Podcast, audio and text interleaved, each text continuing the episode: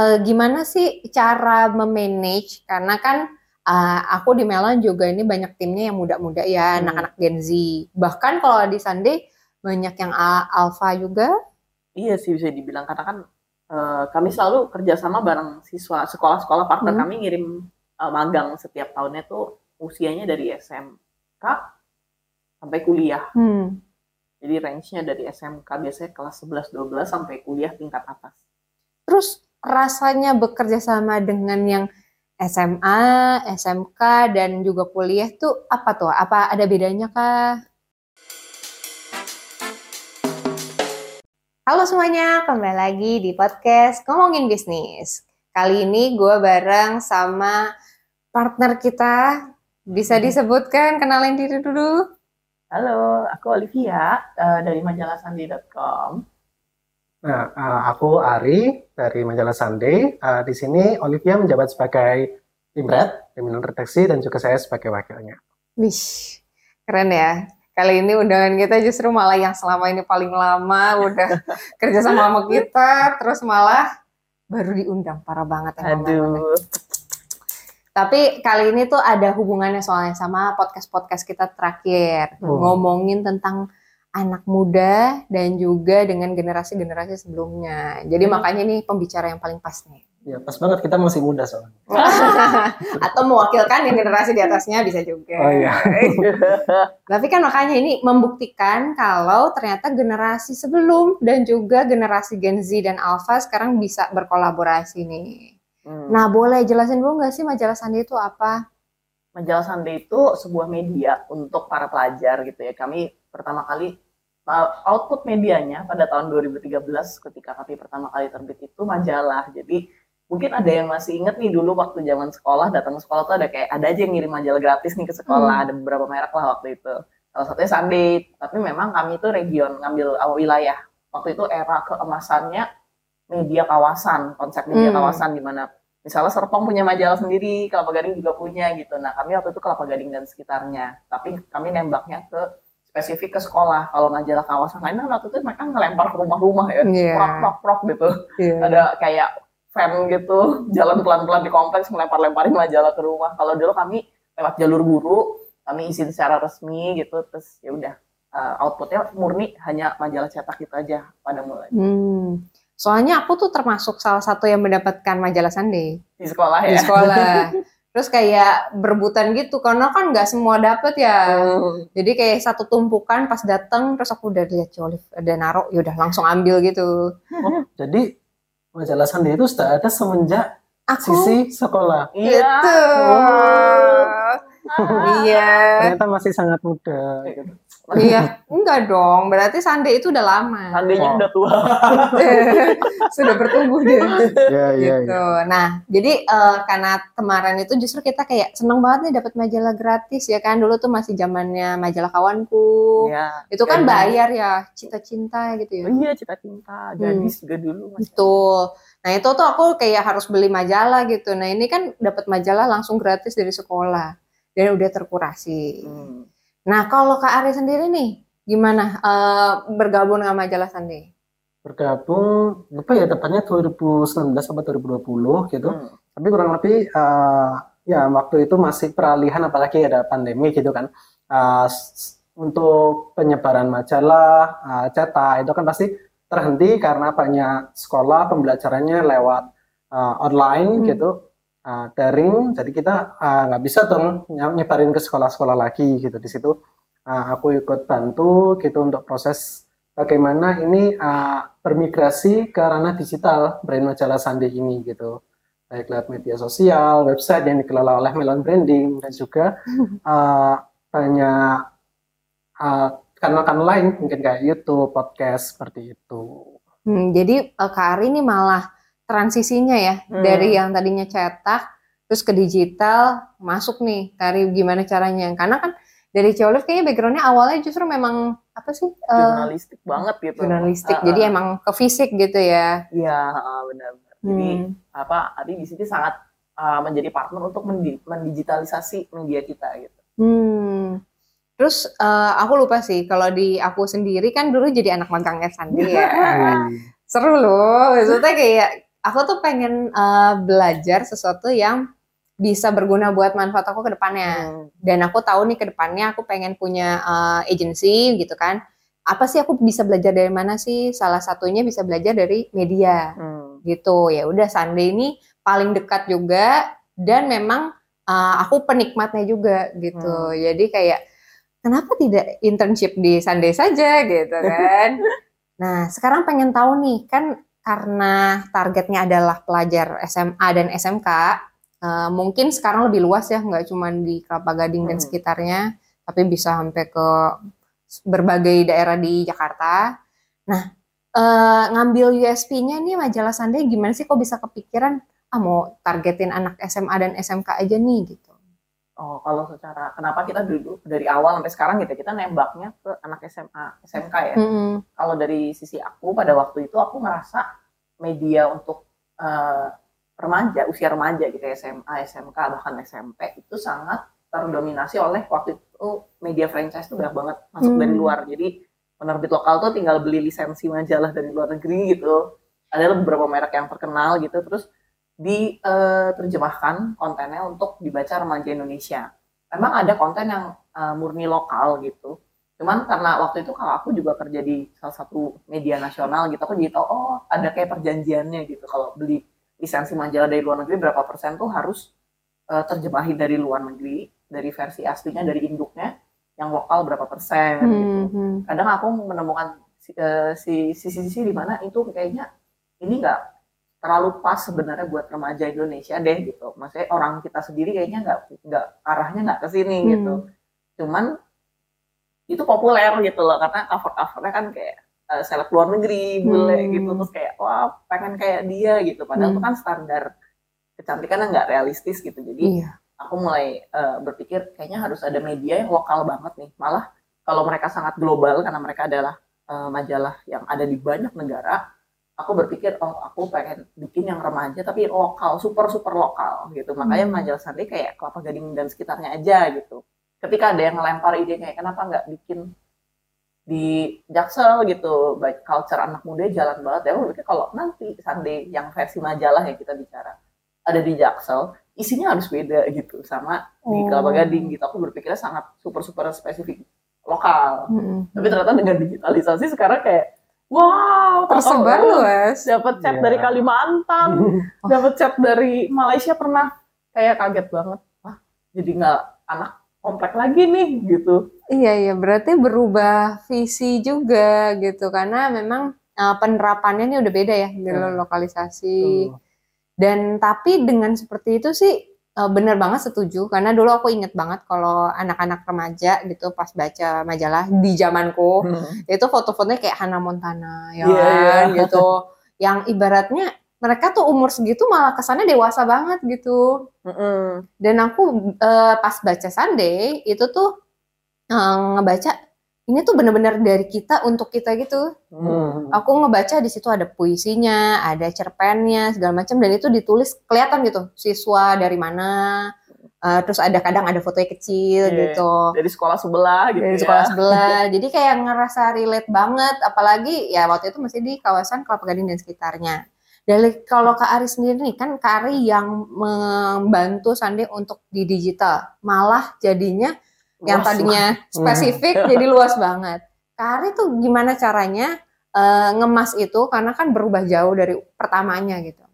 Nah, kalau kita ngomongin super spesifik who, hmm. ketika kita masih sistemnya lokal, berarti hmm. kan kita mengambil karakter dari oh oh ya uh, anak-anak pelajar gitu itu di kawasan Kelapa Gading dan sekitarnya. Oh oke okay, gitu. Tapi kita coba oh oke okay, daripada ngelihat kawasannya kita coba lihat karakternya aja gitu. Kan kita uh, cari niche-nya, uh, niche audiensnya berupa oh oke okay, kita mau ngejar target pelajar tuh macam-macam luas banget gitu. Ada model pelajar yang uh, mungkin jadi seleb di sekolah gitu yang uh, benar-benar disorot gitu. Atau ada juga yang pinter banget uh, menang olimpiade. Ada juga yang nakal banget gitu yang uh, entah hobi bolos hobi berantem gitu Nah, tiga itu pasti yang sering diingat sama guru atau teman-temannya gitu. Sedangkan ada loh uh, karakter lain dari pelajar yang nggak terlalu diingat ya itu orang yang uh, biasa-biasa aja anak-anak yang biasa-biasa aja atau moderat gitu ya atau biasanya Iya. apa mediocre mediocre Hmm. gitu ya dia pinter enggak juga gitu uh, goblok juga enggak Hmm. gitu uh, pinter ngomong di kelas juga enggak pinter olahraga juga enggak juga gitu tapi ya ya biasa aja gitu Uh, yang di mana orang-orang ini nih sebenarnya kepingin nih untuk menjadi sesuatu tapi uh, dia tidak tahu caranya mungkin gitu atau mungkin dia belum tahu mau jadi apa gitu ah ya udahlah ngalir aja dulu gitu Hmm. Nah, orang-orang seperti ini yang menurut kami itu uh, bisa nih untuk jadi uh, super spesifik who-nya kita gitu, niche marketnya kita gitu. Karena orang-orang seperti ini, pelajar seperti ini, ini mungkin banget gitu loh punya isu-isu di dalamnya gitu. Entah uh, balik ke visi kita yang sekarang yaitu empowering teenagers.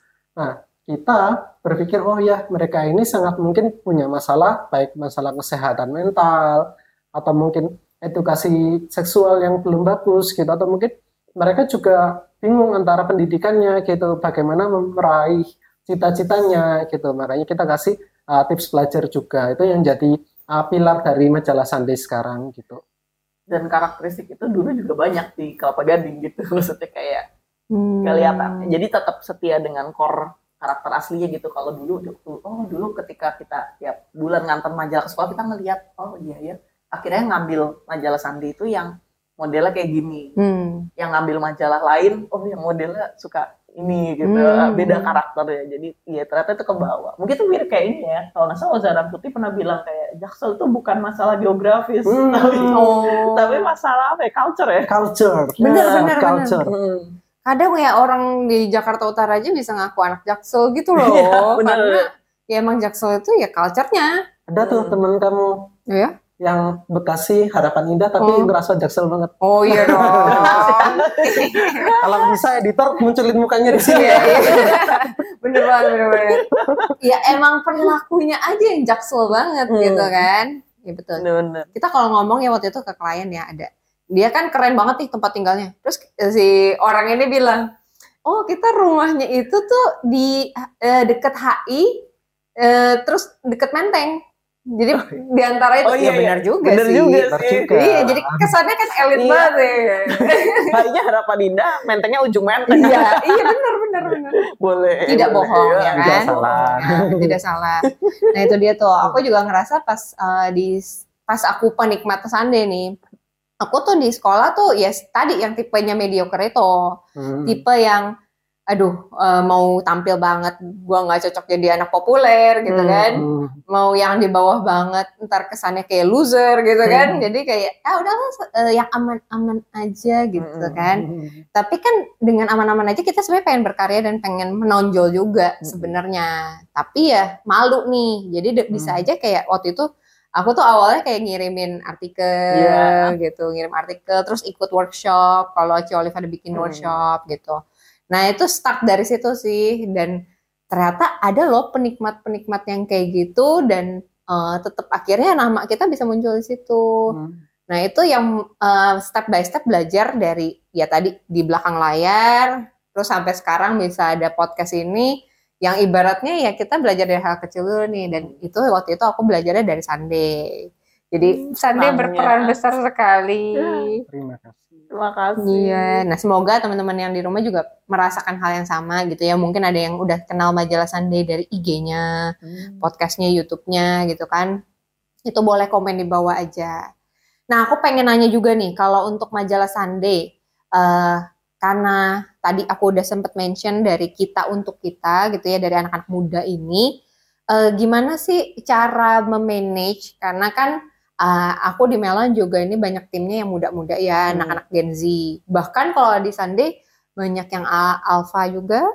Iya sih bisa dibilang karena kan eh, kami selalu kerjasama bareng siswa sekolah-sekolah partner Hmm. kami ngirim eh, magang setiap tahunnya tuh usianya dari SMK sampai kuliah. Hmm. Jadi range-nya dari SMK biasanya kelas 11-12 sampai kuliah tingkat atas. Terus rasanya bekerja sama dengan yang SMA, SMK, dan juga kuliah tuh apa tuh? Apa ada bedanya kah? Hmm. Nah mungkin ini nih kami Nah, ini Karin kayaknya mau menjawab. nih. yang banyak ini berinteraksi langsung. Disiplinioner gitunya ya. Iya, Oh, kan? betul. Oke, Bad oke. cop. Bad cop, oke. Bad cop ya. Eh, aku makin ke sini ngeliat oh ya memang perbedaan uh, gap generasi itu pasti ada gitu loh. Hmm. Gap generasi itu ada dan aku ngeliat hal yang menarik justru dari generasi Z, generasi Alpha itu mereka eh, punya keberagaman itu yang jauh lebih luas variabelnya daripada kita gitu. Daripada generasi aku gitu atau mungkin uh, sisi kita bedanya dikit kan ya? Ya. Anggap aja dikit. ya. nah di situ tuh aku ngeliat oh oke uh, orang uh, yang dianggap pintar itu tuh mungkin di angkatanku oh ya olimpiade segala macam tapi di angkatan mereka mereka itu kepengen pintar bukan hanya pintar misalkan menang olimpiade matematika gitu tapi juga kepengen lo bisa pintar dalam hal misalkan uh, jadi cosplayer itu Oh. menurut mereka tuh oh iya kalau uh, jadi cosplayer tuh uh, keren lo itu bagus lo pintar lo dalam definisi mereka gitu itu kayak oh iya di sini aku lihat hmm, tujuan mereka harapan mereka goal mereka itu uh, tidak spesifik sama seperti orang-orang di angkatan kelas apa ya, uh, generasi milenial gitu sangat beragam. Dan di situ aku juga ngeliat oh iya mereka ini punya empati yang tinggi gitu loh sensitivitas dan em- empati yang tinggi gitu. Uh, contohnya ketika dalam satu hmm, kelompok magang gitu ada satu yang ketertinggalan gitu. Mereka bakal coba untuk benar-benar bantu gitu entah ngontak WA segala macam Uh, tutor kalau bahasa zaman itu tutor sebaya gitu. Oh. Nah itu benar-benar uh, mereka tolong itu gitu karena mereka nggak kepingin ya oke lah temen ini satu ini nyebelin gitu. Tapi nggak nggak kepingin sampai uh, ini Ketinggalan. ketinggalan banget gitu loh. Nggak nggak kepingin mereka temannya sampai ngulang segala macam gitu itu uh, aku rasa mereka punya empati yang tinggi sensitivitas yang tinggi gitu. Jadi uh, pendekatan untuk ngobrol sama mereka sendiri itu tuh uh, harus dikurangi untuk mendikte gitu. Hmm. tapi justru mengajak mereka untuk berpikir uh, perspektif lain gitu. Misalkan oh oke uh, dalam podcast ini uh, posisinya tadi itu uh, kurang tepat tempat duduknya sebelumnya gitu. Harusnya uh, yang dua di situ tapi yang sekarang jadi yang satu di sini gitu. Nah uh, mungkin pertanyaannya eh ini kalau misalkan dibalik mungkin nggak kelihatan lebih bagus atau gimana gitu. Itu uh, jadi mengajak mereka berpikir mungkin nggak ya atau gimana gitu Hmm, supaya hmm. mereka tuh oh oke uh, aku cobalah untuk kasih ide-ide lain gitu atau mungkin berpikir oh ya masukannya ini bisa diterima nggak ya gitu jadi nggak sekedar eh tolong pindahin kursi ini yang dua di sini yang satu di situ gitu Oke. Hmm. Jadi bukan perintah ya. bukan Mengajak mereka berpikir kritis gitu ya jadinya. Mm-mm. Hmm. Senangnya diajak ya lebih ke diskusi gitu, Hmm. dua arah jadinya. Bener sih. Ya kalau kayak malah disuruh itu malah kesannya jadi kayak perintah terus mereka kayak enggak ah gue percayanya tidak seperti ini nih. Hmm, gitu. Mereka akan tanya balik kenapa Mm-mm, gitu. mm-mm. tapi mungkin kalau ketika kita ketemu generasi Z gitu atau teman-teman uh, yang lebih muda gitu ada juga beberapa mungkin yang ketika dikasih pertanyaan terbuka mereka masih belum tahu mau jawab apa gitu ya kita Hmm. harus kasih trigger dulu misalkan uh, dulu aku pernah punya uh, junior copywriter gitu Hmm. uh, sebelum fokus ke majalah Sandi gitu Hmm. ya aku tanya gitu Iya. mungkin editor bisa ngasih mukanya juga di sini. oh oke, misalkan eh, dia bingung nih untuk ngerjain satu industri terkait interior segala macam gitu. Hmm. Ya udah kita kasih triggernya berupa jalan-jalan ke IKEA gitu Hmm. supaya dia itu tahu gitu. Oh ya kurang lebihnya kayak gini ya, feel-nya itu seperti ini ya. Kalau mau nulis tuh seperti ini ya gitu. Hmm. Supaya mereka itu eh, bisa merasakan sendiri mengolahnya seperti itu. Bener, setuju sih. Karena di kemarin kita juga ada uh, ngomongin tentang marketing 6.0 sekarang. Mhm. Jadi kalau kemarin Udah, di digital Udah, Sudah naik. ya. sudah sudah Oh. naik. Soalnya. Kak Ari tuh terakhir menulis tuh 5.0 itu viral. Oh. Nah, viewsnya banyak banget. Wih. Jadi kayak SEO-nya di atas gitu kan. Nah, tapi sekarang udah 6.0 Ari. Zero Sayang sekali. belajar lagi. Nah, jadi nambah lagi. 6.0 itu apa sih? Kalau kemarin kan digital ya. Nah, sekarang tuh experience Oh. gitu. Jadi sebenarnya secara nggak langsung Kari sudah memperkenalkan experience tersebut Hmm. sebelum ada istilah tersebut. Oh. Kalau kampus UGM, Hmm. kita pernah nerima magang dari kampus UGM. Mereka bilang program magang itu bukan internship atau magang, bilangnya tuh? immersion. Oh. Mungkin udah di spirit yang sama sih. Immersion itu kan berarti kayak Iya. tiga tiga derajat lu ngalamin semuanya. Hmm, hmm, hmm. Nah, immersion itu kemarin baru ya disebut sama art director kita Hmm. mengenai uh, experience yang mau kita bangun di offline gitu. Hmm. Terus dia ngomong kayak, iya ada immersion screen. Apaan tuh immersion? iya kayak gitu. Jadi kayak, oke, sekarang emang udah masuknya eranya ada experience semua Hmm. nih. Nah, eh, kalau tadi kita ngomongin eh, anak mudanya, terus sekarang udah ngomongin emotion dan experience mereka, gimana sih caranya si majalah Sanda ini kan ibaratnya tadi kan di zaman aku SMA, aku relate banget nih. Hmm. Tapi di zaman anak sekarang kan berubah konten ya, Hmm. gitu, berubah konten, tipe penikmatnya juga beda. Gimana cara tetap relevannya nih? Karena kan eh, orang-orangnya beda tipe gitu. Hmm, benar-benar. Lagi-lagi balik ke soal kerja antar generasi itu ya, Hmm. maksudnya kaitannya adalah kenapa kenapa kita tuh selalu eh, ingin gitu Sandi itu menjadi media yang diisi oleh eh, siswa itu sendiri gitu. Jadi bukan kita berdua yang nulis terus gitu. Adalah karena aku percaya yang paling paham eh, keresahan, concernnya mereka ya mereka sendiri gitu. Jadi Hmm. kita tuh kayak buka lapak aja nih, gue bukain lapaknya. Ayo eh, ngomong gitu di sini gitu. Jadi Hmm. kita stay relevan dengan cara kita uh, welcoming tim-tim magang dari berbagai sekolah. Uh, mungkin karena ini mungkin bisa dibilang hmm, nggak tahu privilege atau advantage atau bukan, tapi karena kita karena kita belum uh, serving clients banget gitu. Kalau Hmm. agency kan serving clients dengan tuntutannya masing-masing. Kalau Hmm. kita kan kita uh, aset kita adalah konten gitu. Hmm. Nah itu jadi kita punya privilege untuk oh nggak apa-apa kalau kamu belum sempurna gitu. Maksudnya kayak nggak apa-apa kalau kamu belum kayak masih berproses untuk belajar. Ya udah ini dijadiin laboratorium. Sandi dijadiin laboratorium kamu belajar aja di sini gitu. Jadi kita bisa welcome sebanyak mungkin anak-anak magang. Apalagi remote kan, jadi Hmm. bisa dari berbagai provinsi deh. Terus mereka menyuarakan suara mereka lewat Sandi, lewat pilihan konten yang mereka suka Nah, Hmm. selain dari dalamnya kayak gitu secara eksternal kan kita juga kita banyak bahas topik sensitif di masa puber seperti sex education, mental health yang di mana kita paham orang tuh nggak selalu eh, nyaman apalagi remaja untuk kayak komen secara terbuka gitu. Iya, Aku benar. juga nih gitu. Terus temennya kalau nemu bisa tahu, "Hi, lo habis komen di artikel tentang PMO ya?" gitu kayak Hmm. malu banget.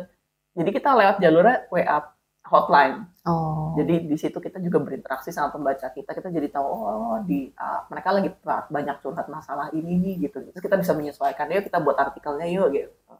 Oke, paham. Nah, berarti dengan tadi ada privilege kalau misalkan orang baru terus nih yang internship, Hmm. artinya eh, semakin stay relevan nih karena turun terus generasinya, Iya. ya kan? Turun-turun. Jadi dari Kak Aris sendiri, gimana caranya mengkurasi anak-anak tersebut? Soalnya kan mereka bilang kan, eh, Kak Ci Olive tuh kasih lapak gitu, majalah Sandi kasih lapak. Mereka boleh bereksplor, memberikan citra diri mereka segala macam. Nah, kalau dari Kak Aris sendiri, gimana mengkurasi anak-anak yang ibaratnya bisa dibilang masih mentahan nih, Hmm. biar sampai bisa dipublik dan diterima gitu. Wah, pertanyaannya agak-agak itu ya.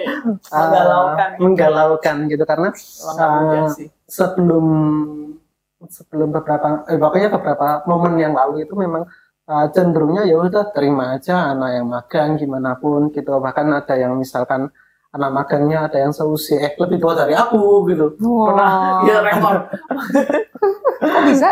ya itu pemutihan dua kali Oh ya, oke. ada juga anak magang yang sudah punya anak Hmm. tapi itu kerjanya bagus Eh, dan Super. unik kita ngerasa Ah. kayak oh datang bawa anak lucu Hmm. banget gitu. Tapi dia masih mau ngelarin pendidikannya gitu. Hmm. Nah, seenggaknya dari sini kita uh, ngeliat, oh oke, memang ada beberapa yang seperti itu, tapi ada juga yang uh, kualitasnya itu memang kayak males-malesan buat kerja. Dulu itu kecenderungannya adalah adalah diterima aja karena uh, permintaan dari sekolah. Iya, gitu. kita udah berpartner juga sama sekolahnya. Benar-benar. Nah, tapi makin ke sini uh, terlebih dengan kurikulum yang baru yang diterapkan Merdeka ini kan uh, beberapa SMK belum bisa memasukkan anak-anak magang ke Hmm. kami gitu. Makanya nah, kita pun sendiri uh, open locker gitu. Uh, dan kema kemarin dari hari Senin, Selasa, dan nanti pun juga ada uh, interview singkat seenggaknya buat tahu sih bagaimana uh, aspek komitmen mereka, habis itu bagaimana mereka adaptif dengan uh, teknologi yang mungkin dipakai dalam uh, proses kerja mereka dan juga bagaimana mereka uh, bisa punya kebanggaan akan hasil karya mereka sendiri yang hmm. mempresentasikan uh, portofolio mereka sendiri. Kalau misalkan mereka nggak bangga sama hasil kerja mereka, ya ya kenapa kita iya. harus mewadahi ya, mereka. mereka gitu seenggaknya ada harapannya itu oh oke okay, karyaku memang uh, ya namanya juga anak masih belajar kan ya anak hmm. magang uh, ya belum terlalu bias apa bagus-bagus banget gitu tapi seenggaknya mereka ada kebanggaan karena ini hasil karyaku loh gitu itu yang menurut aku tuh ah itu bakal aku ambil gitu. Benar-benar. Dia bukan adu-aduan bagus-bagusan hasil Benar. ini di baliknya. Tapi bagaimana mereka apa ya kayak ada proses cinta dan bangga nah, sama hasil kelihatan passionnya. Soalnya kalau dia nggak bangga sendiri sama uh, apa hasil karya dia, gimana caranya dia uh, memastikan ke orang ini worth it untuk dibaca yeah. gitu, ya. ya karena ya kalau dia udah bangga minimal nih at least dia udah kurasi sendiri dulu kan gitu. Bener. Ya sih, setuju, setuju, setuju. Pola pikirnya udah ada nih di situ. Nah, kalau dari Sandi sendiri nih, gimana caranya menjaga relation nih sama kampus, mungkin sama sekolah, atau uh, partner-partner yang udah pernah pasang iklan nih di majalah Sunday? Hmm. Kalau dulu uh, selama pandemi, ya bisa dibilang kita benar-benar fokus ya kita bareng untuk kayak wah buka podcast, bikin podcast, bikin kita fokus banget uh, istilahnya dandanin dapur kita karena hmm. kita uh, switching menjadi sebuah media digital. Hmm. Nah itu sempet lost contact tuh sama guru-guru uh, pihak kampus yang biasa berpartner sama Sandi itu uh, lumayan gitu karena kan kayak aduh fokus dulu ini gimana gitu. Nah sekarang uh, ya kami udah mulai kayak oh iya kita sapa-sapa lagi yuk yang kemarin uh, biasa. Walaupun sekarang model bisnisnya beda ya misalnya dulu kita uh, ngontek kampus tuh koordinasi pak mau mau ngirim majalah nih gitu. Hmm. sekalian ketemuan yuk ngobrol gitu. Ada kabar apa di sekolah bulan ini? Nah itu kalau sekarang lebih ke ya udah uh, kita sapa lewat chat aja gitu. Tapi kita ngasih tahu ini kita kirim link majalah digitalnya gitu. Kemudian kalau dengan kampus uh, ya itu kita juga menawarkan kolaborasi konten karena hmm. aku juga melihat tren dari kampus itu sendiri. Kalau dulu kan model bisnisnya mereka memang ini kan pasang iklan, majalahnya hmm. dicetak, dikirim ke sekolah, mereka pasang masukin iklan mereka di dalamnya. Kalau sekarang kami nawarin kolaborasi bareng yuk konten bareng. Saat ini sih kayak gitu. Uh, sambil sambil memperkuat terus kanal-kanal digitalnya gitu sih. Jadi hmm. uh, kebetulan kan kami Januari ini itu ulang tahun, hmm. 11 tahun. Nah itu kemarin tuh juga kami jadiin momen untuk sapa-sapa lagi uh, guru-guru, dosen-dosen maupun staff marketing kampus yang udah lama banget kita nggak kontak karena hmm. kabarnya aja dulu dan uh, ya udah sharing Sandia tuh sekarang kayak gini nih kita kirimin kayak digital newsletter gitu. Jadi dalam satu link udah lengkap semua infonya dan clickable juga mereka bisa langsung lihat kanal-kanalnya Sandi sekarang apa aja. Dan kita kasih tahu kita sekarang uh, bisa kasih solusi apa aja buat mereka gitu. Hmm, repackage ya. Karena kan dulu kan cetak semua Nah, hmm. kalau dari Kak Ari sendiri nih, karena backgroundnya juga lebih ke PR ya. Hmm. Nah, backgroundnya lebih ke PR, jadi gimana nih caranya menjalin relasi lagi yang sempet terputus gitu kan, terus sekarang kembali lagi reach out tapi dengan bentuk yang berbeda nih. Hmm, sedikit banyak sih sama sih kayak yang disampaikan Olive. Uh, kita berusaha untuk konsep uh, omni channelnya itu diperkuat lagi. Uh, ya, yang pasti kita lewat kanal-kanal digital ya gitu. Tapi kita juga lakukan visitasi ya. Mm-hmm. kemarin itu yeah. ke UPM ya habis itu juga ada uh, ah, UNJ iya. Apalagi Albis Albis juga. Nah, dan juga yang pasti yang ngirim lewat uh, plus email plus WA seperti itu sih kurang lebihnya. Hmm, ya. Dan mungkin ya sambil ada tim marketing kami yang juga membantu untuk uh, tolonglah dicari itu apa dicari lagi teman-teman yang uh, guru-guru yang dulu atau mungkin kalau misalkan pihak kampus tuh marketing yang baru. Nah ini juga perhatian sih buat teman-teman yang mungkin di bekerja di kampus tolonglah jangan sering-sering ganti tim marketing Oh iya iya. iya cepet banget Makin Kayak- hilang. Sudah tidak di situ. Oh, itu kampus apa agensi loh Betul, itu Oh betul iya, kali. oh iya turnovernya cepat. Karena Iya, memang agensi itu betul, rasanya begitu juga karena mereka tuh kalau yang kuat di dunia agensi itu terkurasi dengan sendirinya berdasarkan waktu gitu. Iya, iya, iya. Hmm, Itu dia lah. Memang dunia-dunia marketing ini memang agak sulit ya. keras ya Dinamis sekali. Dinamis Tapi ya itu sih harapannya kan ketika marketing mereka tetap ada dan kita pun juga tetap marketingnya tim mar- uh, orang yang megang marketing tetap sama. Harapannya memang uh, representasi dari brand itu ya adalah salah satunya lewat pihak marketingnya ini. Benar, Markom ya. Gitu. Iya. Mm-mm. Oh, iya aku juga tuh. Kalau kemarin kontak-kontak brand misalnya gitu, ngomongnya sekarang udah markomnya. Karena takutnya nih kalau ke orang personal satu, ya itu cepet hilang Hmm, benar. gitu. Iya. Ntar terputus, bingung lagi kontaknya bagaimana ya kan. Betul, betul. Aku pengen tahu nih, tadi kan eh, konten-kontennya tuh yang relatable dengan anak-anak muda. Sekarang di sana itu ada segmen apa aja sih?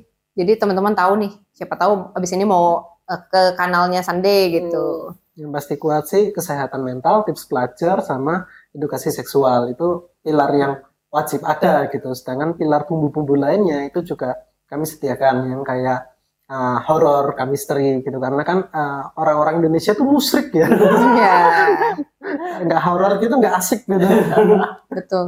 Habis itu juga ada hmm, ya terkait perawatan diri, terkait itu entah uh, uh, fisik, beauty, aspek beauty, aspek olahraga juga itu kan termasuk, perawatan diri. Habis itu juga uh, referensi-referensi untuk uh, barang-barang yang bisa dibeli. Kami juga bikin uh, sistem affiliate seperti itu untuk Hmm. teman-teman membaca gitu. Oh tertarik nih untuk uh, terkait produk-produk yang ditawarkan majalah Sandi gitu. Oh ya udah silakan gitu. Hmm. Kami uh, mengkurasi barang-barang yang uh, dirasa oke sama teman-teman uh, anak-anak magang gitu. Oh oke kita coba deh affiliate ini seperti itu. Tapi ya uh, tetap tiga hal yang tadi itu jadi utamanya kami. Dan sekarang ini kita punya satu wadah baru ya, Apa namanya Creative Mind. Oh iya. Itu apa tuh? Boleh diceritain dikit?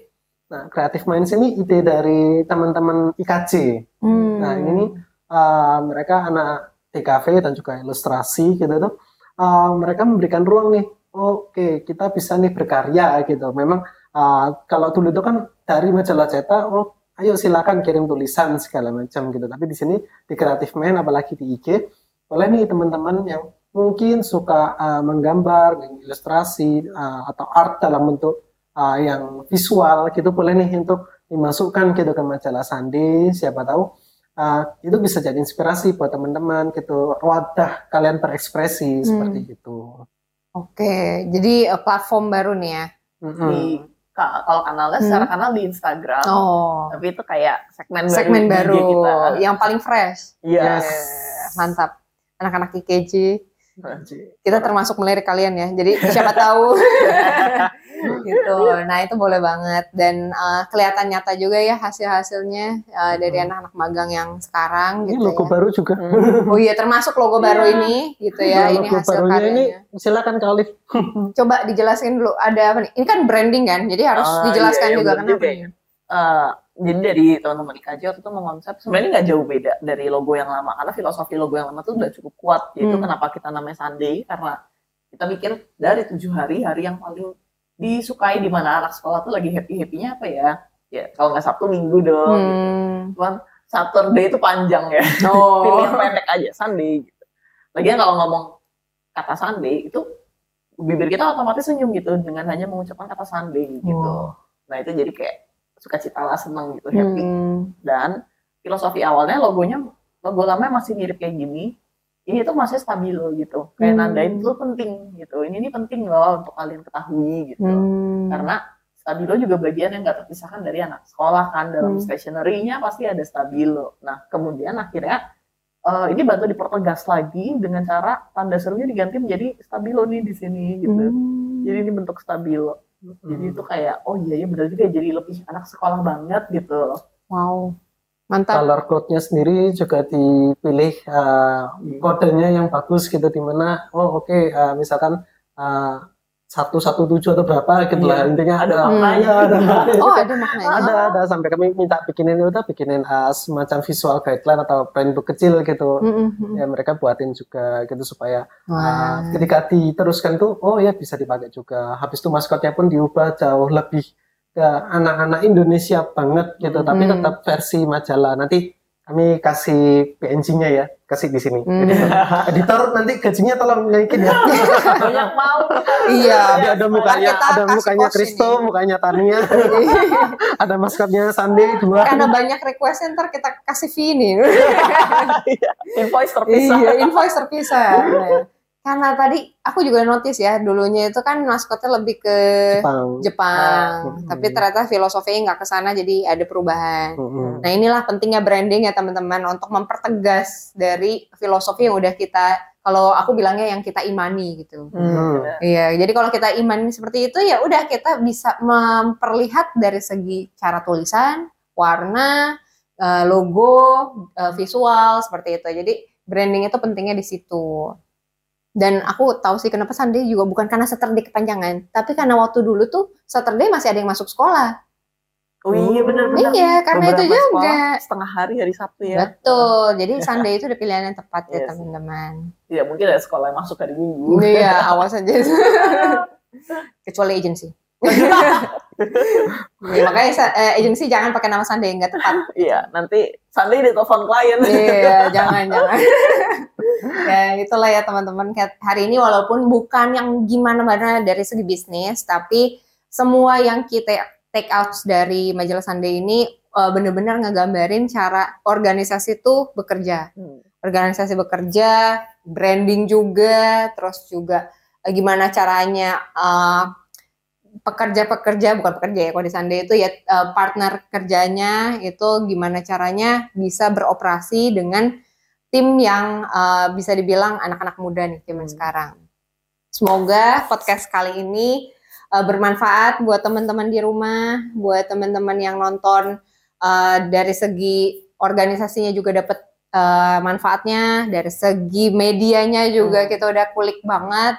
Dan buat teman-teman anak muda di sana, eh, kalau kalian punya passion apa, tolong di eh, jalanin gitu ya, diseriusin karena dari passion dari ya Ci Olive dan Kari ini kelihatan banget kalau bangun Sunday itu nggak gampang, eh, banyak turnovernya juga ya pivotnya gitu. Hmm. Tapi kalau emang udah passion ya pasti dijalanin juga dan sampai sekarang buktinya malah semakin eh, berkembang dan makin besar juga. Amin. Thank you semuanya. Thank you Kari, thank you Coli. Sama-sama, Terima terima kasih. kasih. Kasih Sudah. Terima kasih juga Terima sudah kasih. nonton. Bye bye. Bye.